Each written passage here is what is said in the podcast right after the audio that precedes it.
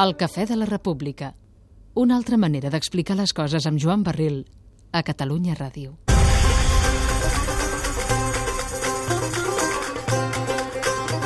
Israelians i palestins negocien un alto al foc al Caire mentre segueixen combatent sobre el terreny.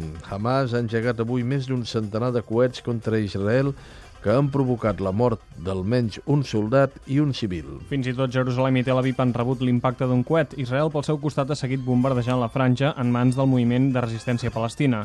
Entre els morts, que segons Hamas ja sumen 127, s'hi compten tres periodistes. Enmig d'aquest escenari de violència, la diplomàcia s'esforça per evitar mals majors. Anem al Caire, allà tenim a la nostra companya Maria Alba Gilabert. Maria Alba, molt bona nit.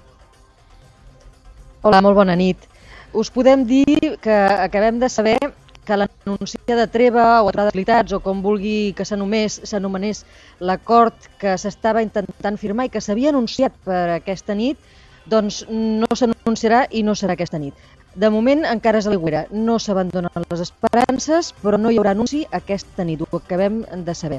La secretària d'Estat nord-americana, Hillary Clinton, el ministre d'Afers Estrangers turc de Botoglu, el president egipci Mursi, el secretari general de l'ONU Ban Ki-moon, tots plegats segueixen intentant aconseguir aquest anunci del foc, treva o aturada d'hostilitats que, segons Hamas, s'havia de fer aquesta nit, però com dèiem, no s'ha materialitzat i, de moment, Ara diuen que potser, potser es farà demà.